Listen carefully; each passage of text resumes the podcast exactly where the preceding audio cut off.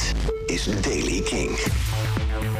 Het is vanochtend eerst nog zonnig, later komt er weer bewolking, maar ook nog af en toe wat zon. Blijft wel op de meeste plekken droog met een graad of 14 als middagtemperatuur.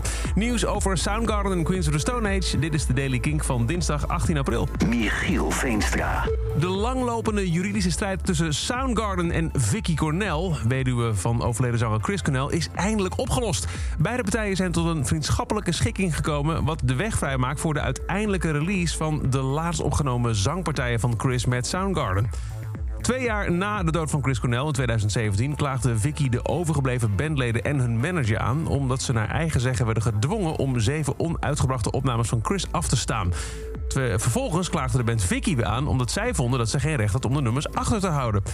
Na veel heen en weer gepraat en verschillende rechtszaken zijn Soundgarden en Vicky Cornell nu samengekomen om het nalatenschap van de band en Chris blijvende invloed op de muziekgeschiedenis te eren, zo zeggen ze in een statement.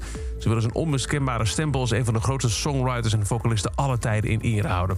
Het verzoeningsproces markeert een nieuw partnerschap tussen twee partijen. En daardoor is er dus een grote kans dat we snel nieuw, of eigenlijk niet eerder uitgebracht materiaal van Soundgarden met Chris Cornell krijgen. Waar overigens nog geen datum voor is gegeven. Queens of the Stone heeft een optreden op een Amerikaans festival in Daytona Beach moeten afzeggen. Welcome to Rockville. Dat optreden is voor volgende maand gepland. Dat vinden we jammer, zegt de organisatie van het festival. Uh, we bieden ons excuses aan voor het ongemak.